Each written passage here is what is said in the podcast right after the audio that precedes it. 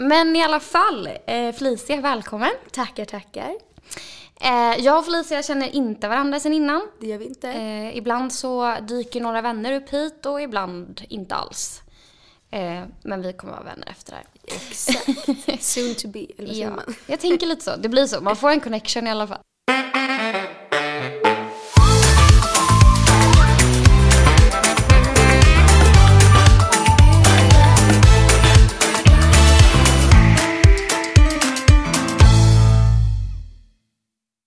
Och Felicia, hur gammal är du? Jag är född 2001, så jag är 21 nu. 21. Yes. Mm. Eh, och hur gammal var du när du fick din diagnos? Eh, Jag fick min diagnos fastställd när jag var 20. Mm. Eh, Så för lite mer än ett år sedan eh, fick jag min Mm. diagnos fastställd. Eh, Det var dock efter att ha haft en ganska öppen utredning ganska länge, om man kan säga det så. Ja, för jag tyckte det var lite intressant det du berättade för mig innan vi började spela in. Att eh, du eh, blev liksom medtagen på ett slags utredningsbesök när du var mycket yngre. Mm, ja men precis. Eh, när jag gick, jag tror det var när jag gick i typ fyran. Mm. Eh, så jag vet inte hur gammal man är då. Men när man går i fyran helt Typ enkelt. tio kanske. Mm. Ja men precis. Då eh, var det ju min mamma och skolan jag gick i som eh, tyckte att det behövdes en utredning på mig. Mm. Och att de misstänkte att jag hade ADHD. Vilket, nu, det var ju sant uppenbarligen. men jag, då lurade de dit mig. För jag tror att de förstod ganska tidigt att jag skulle inte tycka att det var så kul att göra en Mm. utredning. Ehm, och jag skulle nog inte vara så mottaglig för det. Men så eh, jag blev helt ärligt ditlurad. ehm, för allas bästa. Men så mamma sa att det var någon slags ja, men skolundersö- skolundersökning. Hur säger man det? Eh, En, en, en, Undersökning. en undersökning på skolan. Okej, Eller det typ, så konstigt. var det, var det, det var inte på skolan. Nej, för då Nej. var mamma så här, men alla gör det här och då åkte vi ju till BUP. Mm. Eh, och så kommer man ju in i den här ja, men, läkarrummet eller vad man kallar det. Och då är de så här, ja men vi ska ju öppna en ADHD-utredning typ. Jag kommer verkligen ihåg det här. Och jag bara så här, kolla på mamma typ och bara Alltså kokade Ja, inombords. Blev förbannad. Ehm, och det var också, jag var inte så gammal. Mm. Men jag var tillräckligt gammal för att någonstans förstå att jag var annorlunda. Precis. Och jag tyckte att det var så fruktansvärt jobbigt att typ mamma och skolan antog att jag var konstig. Alltså det Ja. var, i mitt huvud var det så det lät liksom. Att jag, jag var konstig och att jag skulle vara annorlunda från mina kompisar typ. Och Mm. att jag skulle sticka ut. Ehm, vilket jag absolut gjorde. Alltså nu när jag ser på det utifrån idag när jag blivit äldre. Eh, men att där och då så var jag bara så här, jag är inte konstig och fick ju panik. Eh, Det är väl en försvarsmekanism liksom. ja men jag tror det och jag tror också att det handlar mycket om att jag kände väl mig väldigt missförstådd utan Mm. att så kunna sätta ord på det. Precis. Eh, men att jag inte ville erkänna att det var för att jag var, hade en diagnos.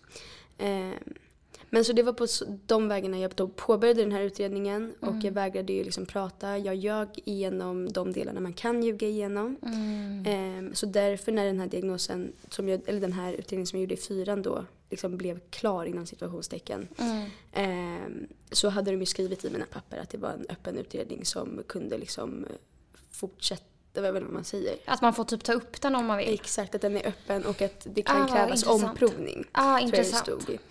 Ehm, Så därför när jag väl val, insåg själv att det var någonting som gynnade mig och någonting som jag behövde så var det ganska lätt för mig. Det tog bara en- t- två, tre månader så hade jag en diagnos för att jag hade gjort så mycket förarbete. Gud vad skönt.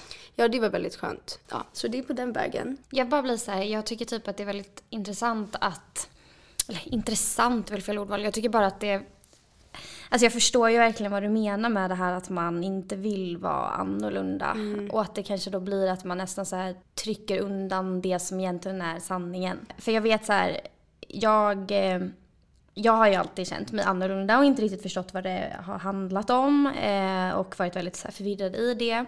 Eh, jag fick ju min diagnos eh, när jag var 23.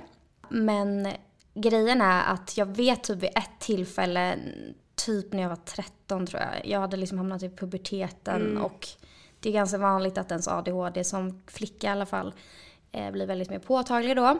Och jag vet då att det var någon gång pappa hade så googlat upp saker och ting. Mm. Man typ kommer på dem liksom. Ja, och han var så här, du kanske har ADHD. Och då blev jag också så jävla arg. Mm. Eh, och ville absolut inte liksom förknippas med det.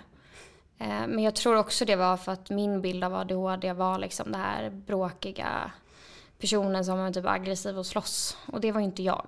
Nej, och det där är så himla olika också hur ens ADHD typ utspelar sig. Precis. Jag vet inte hur det var för dig men för mig var det väldigt mycket så här, både att jag typ när jag var yngre kunde jag nog vara utåtagerande, Mm. inte liksom i så stor mån eller vad man säger men ändå liksom att jag blev väldigt, väldigt arg. Mm. Men det var väl framför allt att jag var väldigt, väldigt högljudd. Precis. Jag vet inte om du känner igen dig i det? Till viss del. Eh, du är i alla fall den första alltså, tjejen som, jag, har- som, har, som är här hittills som har fått eh, eh, liksom börjat utredas egentligen eh, alltså när man var barn. Eh, och därför tycker jag att det är intressant att du säger att du ändå var väldigt så här, utåtagerande och eh, mycket liksom. Det är det som blir så himla, för, ja, fortsätt. Ja, nej, för att det känns som att så här, det är som att det är det du måste liksom ge uttryck för för att du ska bli så här uppfångad som flicka när du Gud, liksom är ja. liten. För jag var absolut så här otroligt social och utåtriktad och var nog väldigt så eh, center of attention kanske. Men jag tror ändå att det liksom blev ju att jag inte, alltså det kom ju aldrig på tal att det var ADHD för att jag tror att jag var väldigt bra på att så här, alltså krama för glatta livet, att så här anpassa mig. Men för det, det känner jag också igen mig i, att man verkligen, men att man då anpassar sig. Mm. Men sen jag tror att jag, nu låter det här jätte, jättefel, jag vet inte hur jag ska formulera mig, men. Kör hårt. Man får formulera sig fel. Ja, men alltså jag tror att jag var lite för dum. Alltså det låter fel, det låter konstigt, men jag tror att jag när jag, eh, nej men när jag var i den åldern, att typ man liksom, vad säger man? Var man du korkad? Ja men typ. Nej jag var inte det. Jag har aldrig varit liksom så efter eller så här liksom inte varit på samma nivå som de som är lika gamla som mig. Men när jag var i den åldern när folk typ började bry sig om att så okej men så här tänker de. Så var jag kanske där två år senare. Fattar. Så därför så här, det var några år där folk hade börjat bry sig och jag inte ens visste fattade att man så här, men gud det här har en påverkan. Att så här, om jag står och skriker i korridoren så kan folk tycka att jag är konstig. Du, kan, du liksom förstod inte det sociala spelet. Nej, liksom. men, jo men alltså så här, men bara att jag var såhär, jag, mer, inte så, men mer att jag liksom bara var en main character som inte brydde sig om någon annan typ. Mm, gud vad intressant. Vilket är så, det låter hemskt, det låter ju som att jag är sjuk. Nej, jag, nej, för att så här. Det kanske hade, jag, jag kan tänka mig att hade en person som inte har ADHD lyssnat på det här så kanske den hade bara what the fuck. För att de inte förstår. Men jag tror att typ majoriteten som lyssnar förstår precis vad du Ja, men säger. det är så här, jag kunde stå i en korridor, jag kunde skrika, jag kunde göra gud vet vad. Mm. Var jättearg, framförallt på lärare och typ mamma som liksom, Men det låter typ som att du var lite grabbig nästan. Mm. Alltså om, Exakt. utifrån så här, det normativa liksom. Ja men exakt och det var också då jag liksom typ aldrig brydde mig om vad folk tyckte eller trodde för att jag Mm. tyckte att jag var bäst och om jag de tyckte ju uppenbarligen att jag hade fel, det var väl därför jag var arg. Mm. Men att jag tyckte fortfarande att jag hade rätt. Och därför brydde jag mig inte. Det var därför när jag då blev typ några år äldre, kanske Mm. började i, ja men vad säger vi, typ sjuan, åttan, nian där. Mm. Då jag började vara såhär, gud folk tycker att jag är konstig. Oh Eller folk, då kunde jag också få kommentarer av folk jag typ inte kände så här. men du måste ju ha ADHD Ja. kunde folk komma fram och säga till mig. Och det hände liksom flera gånger. Och då var jag så här, först och främst var jag helt förnekelse. Bara, nej det har jag absolut inte till de här människorna. Men sen då började jag ju sakta men säkert också hela tiden försöka förändra mina beteenden. Precis, för att du har nu verkligen fått ett kvitto på att folk tycker Mm. Men att du precis. inte är som dem. Ja men precis. Och då började alltså jag kommer ihåg så, alltså jag vet inte om du har så tydliga typ, alltså sekvenser i ditt liv som du kommer ihåg så här, typ har påverkat dig lite. Mm, absolut. Men jag kommer ihåg så jävla tydligt att jag eh, gick i skolan då och jag hade liksom jättemycket kompisar och alltid haft jättemycket bra kompisar, både killar och tjejer. Men att jag alltid har varit väldigt gapig också. Och att det var lite någonting som jag tyckte var jobbigt för att jag kunde inte rå för att jag pratade eller skrek eller liksom så. Utan jag gjorde det utan att tänka på det. Vilket så här, det kan jag fortfarande göra ibland. Ja. Men att då hade jag försökt att bara säga nu ska jag vara tyst. Alltså jag ska inte skrika. Alltså jag, jag kommer ihåg att jag verkligen tänkte i min hjärna, jag, bara, jag ska vara tyst nu. Och jag trodde genuint att jag så här, nu har jag varit tyst i två veckor. Alltså så här, nu har jag verkligen ansträngt mig och varit tyst i två veckor. Och så kommer jag ihåg att jag lät mig själv skrika en gång. Alltså medvetet lät mig själv skrika en gång. Att jag var så okej men nu måste jag bara, för nu måste jag få mig ut det här liksom. Och då kom det fram en av mina killkompisar, eller som idag är min mm, jättenära killkompis, men som då bara var liksom en kille i min um- umgängeskrets. Kom fram och bara, men Felicia måste du alltid skrika? Gud, ah. Och jag bara, jag har hållit käften i två veckor nu. Och du vet, det gjorde så ont i mig för jag bara, fan jag har verkligen försökt liksom. Alltså jag har verkligen försökt att bara vara tyst. Och det här är någonting jag kan komma ihåg än idag liksom. Att jag verkligen försökt anpassa mig. Men att även hur mycket jag än försökte så hade jag gjort det. För då kommer jag också ihåg att jag, liksom, jag motargumenterade och var såhär, men jag har inte alls skrikit, jag skriker aldrig, jag har inte skrikit på jättelänge. Och de var såhär, jo du skriker hela tiden. Så det, det kommer jag ihåg så himla tydligt att man bara, suck. Går inte att göra något åt. Satte det sig alltså, på din självkänsla tror du? Det tror jag absolut.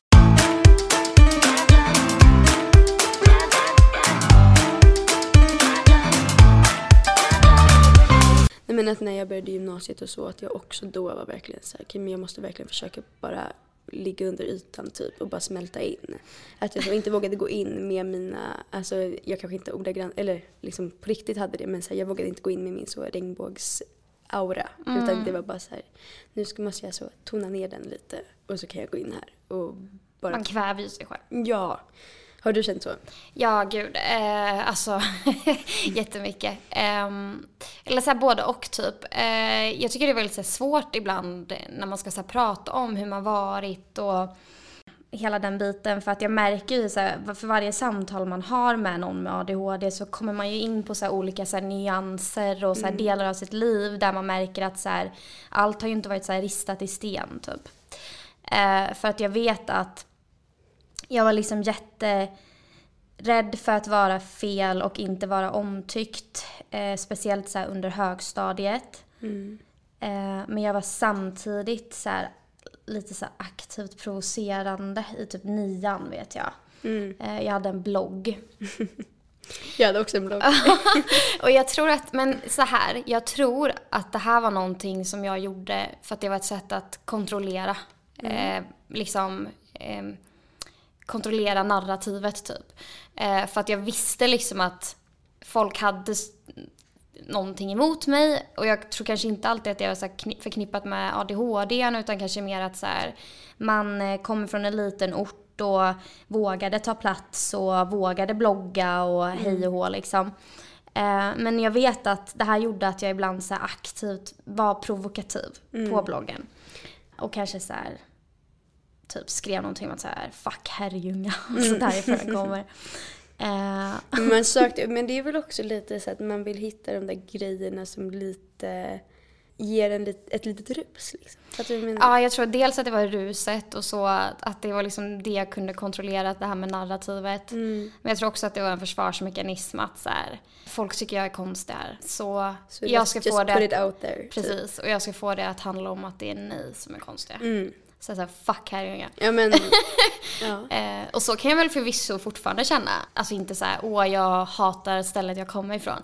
Men jag kan se idag, alltså när man är äldre, att liksom, jag har varit uppväxt på ett ställe där det är väldigt trångsynt och mycket skitsnack och mycket så här ryktesspridning. Och det tror jag är otroligt påfrestande när man har ADHD. Speciellt om du är tjej och har ADHD. Eh, och att tvingas att passa in i ett visst fack där vi ska vara tysta och små söta personer som, jag vet inte, också bara låter killarna göra vad fan de vill typ.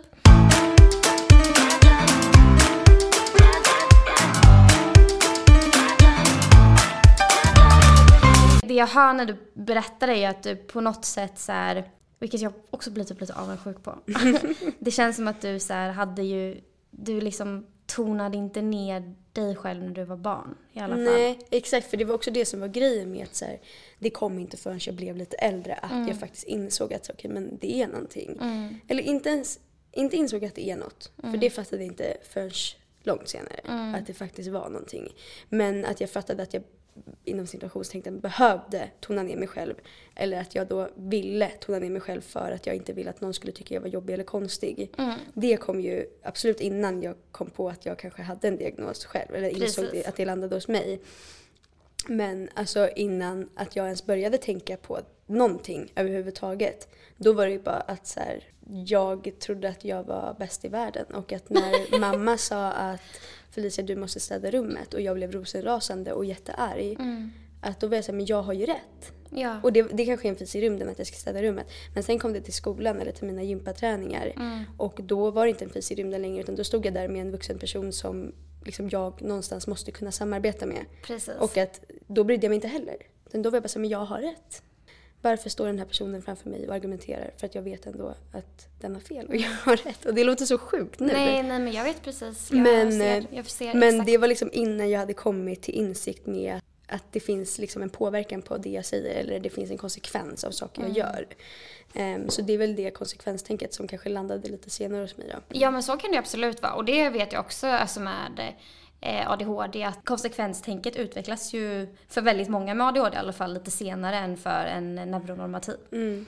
Eh, men Det är bara att jag tycker det är väldigt spännande att ha en tjej här som hade liksom, som jag brukar säga då, den grabbiga Mm. varianten eh, i ung ålder. När jag gick i lågstadiet, Mm. vilket då är precis innan jag påbörjade min första då utredning, Mm. eller första starten. Då gick jag i en skola, det är en Waldorfskola i alla fall. Ja, ja, Waldorf. Eh, vilket jag tror passade mig bra eftersom att jag fick göra mycket mer handarbete och kreativt arbete vilket absolut passar mig. Mm. Men den skolan är ju också inte så öppen för typ diagnoseringar eller liknande.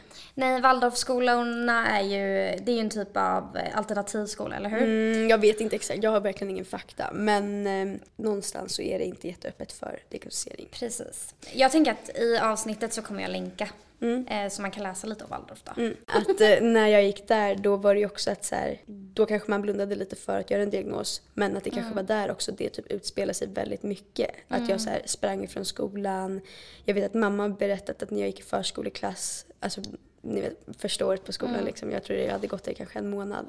Och de ringer min mamma och jag säger Felicia har sprungit från skolan, vi vet inte vart hon är, alla är och letar. Så här, lite panikslagna liksom, en sexåring är borta. Eh, ringer till min mamma och bara, det skulle vara jättebra om du kan komma så kan du hjälpa oss typ. Och mamma svarar och jag säger, nej men gud gå in. Ta det lugnt, hon kommer komma tillbaka om ja, max 20 minuter. för att jag gör så, eller jag gjorde så för att det var så här min flykt typ. Att så här, jag sprang iväg men mamma var så himla självsäker i det att så här, men Felicia kommer komma tillbaka. Och att så här, hon kände ju mig så pass bra att hon visste redan då att så här, men hon kommer komma tillbaka. Det är bara så här hon reagerar liksom. Och det är antagligen för att man har så mycket känslor som man inte vet vad man ska göra och man bara smäller till slut typ.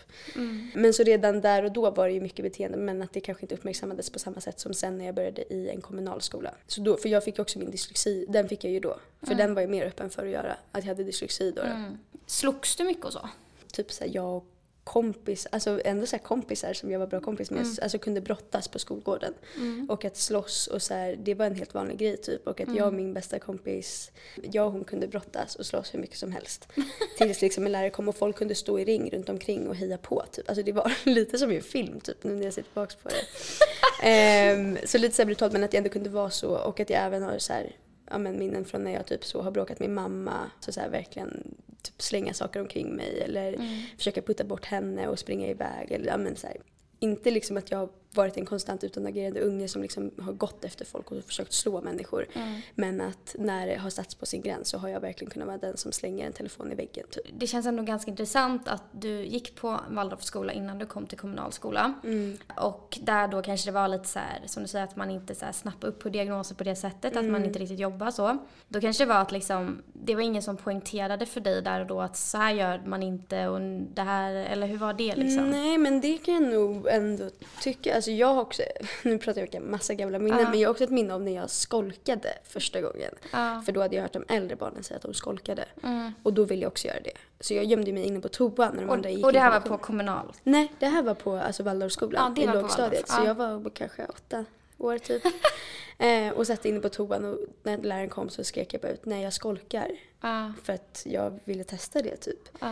Ja. Eh, men att sådana grejer så här, kanske om man då hade varit uppmärksam eller för liksom, diagnoser så, så kanske man hade så om en unge slåss på rasterna, springer iväg från skolan första månaden, liksom, sitter inne på toan och säger att hon skolkar när hon är åtta.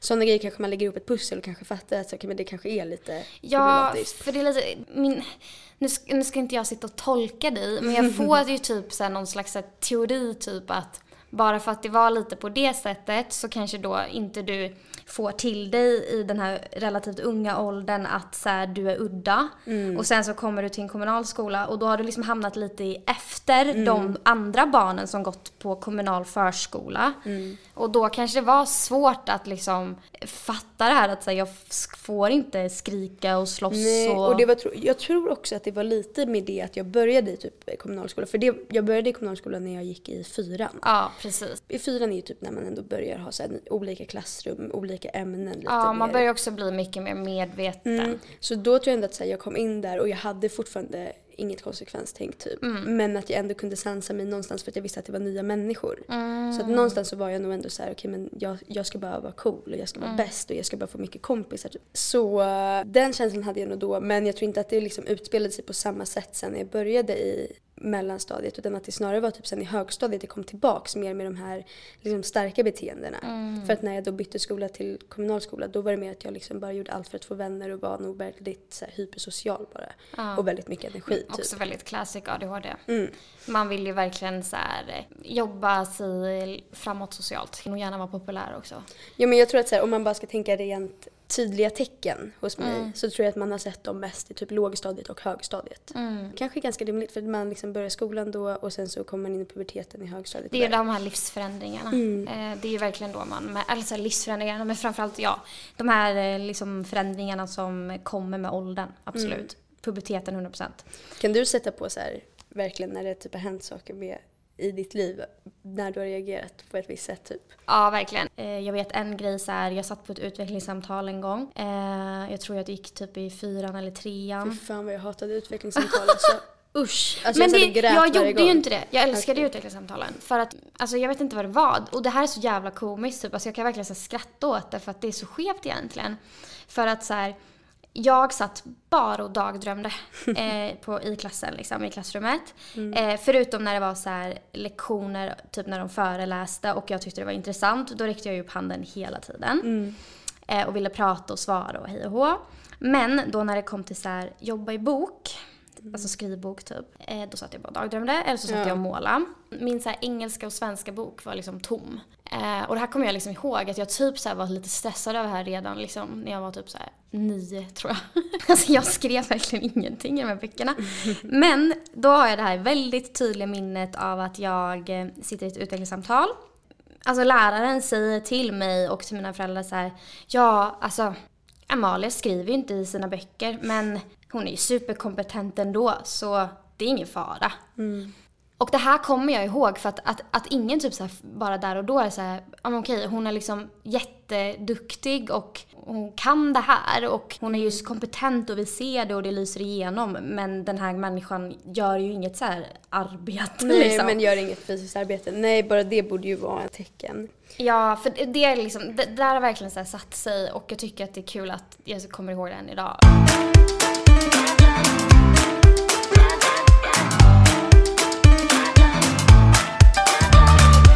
Men eh, ja gud, jag hatade utvecklingssamtal när jag var liten i alla fall. För att du, men det var ju 100% då för att du fick liksom... Prestationsångest tror jag, Ja. 100%. Jag tror att det var så här, jag vägrade sätta mig där för att jag visste att jag hade skällt ut mina lärare tio gånger sen Mm. senaste utvecklingssamtalet och att i stunden när jag var arg så var jag så jävla stark och bara kände mig bäst typ. Mm. Men sen när det kom till kritan och jag typ skulle sitta på ett utvecklingssamtal och jag visste att så här, med ganska stor sannolikhet så kommer de ta upp att jag kanske är lite stökig. Mm. Att då blev det så himla himla känsligt. Absolut att jag gjorde saker i skolan och så. Mm. Men typ jag skulle aldrig liksom alltså jag har aldrig kunnat reagera eller agera på en, mot en kompis eller mot folk i min ålder. Mm. Den, de enda jag har kunnat bråka med det har varit lärare och det har förmodligen varit för att jag har känt mig så jävla missförstådd under hela min skolgång. Precis. Eh, det har varit mina gymnastiktränare Mm. Som jag har agerat mot. Men den jag har reagerat och agerat, eller så här, bara blivit arg på typ mest, det har ju varit min mamma. Hon har ju fått ta all skit liksom. Hon har också varit ensamstående med mig så därför har det varit rimligt Mm, att som det är ensam klart. förälder har hon fått ta exakt allt. Ehm, Ja, alltså jag tror att det kan vara alltså, är väldigt vanligt, eh, om, om, alltså framförallt eh, om du kanske då är tjej och har ADHD. Mm. jag tror att du att, alltså, går väldigt mycket till så här, motattack mot dina föräldrar för att du känner att du kanske har den typ tillåtelsen att göra det någonstans. För jag tror att jag vågade ju inte gå till attack någon annanstans. För jag var så himla rädd för att var fel. Mm. Och då fick jag väl utlopp för det eh, hos mamma och pappa istället. Och mer om detta kommer ni få höra i nästa vecka. Då fortsätter jag prata med Felicia. Så tack Felicia för detta avsnitt och tack för att ni har lyssnat. Ha en jättefin fredag och ha en jättefin helg. Så ses vi nästa vecka.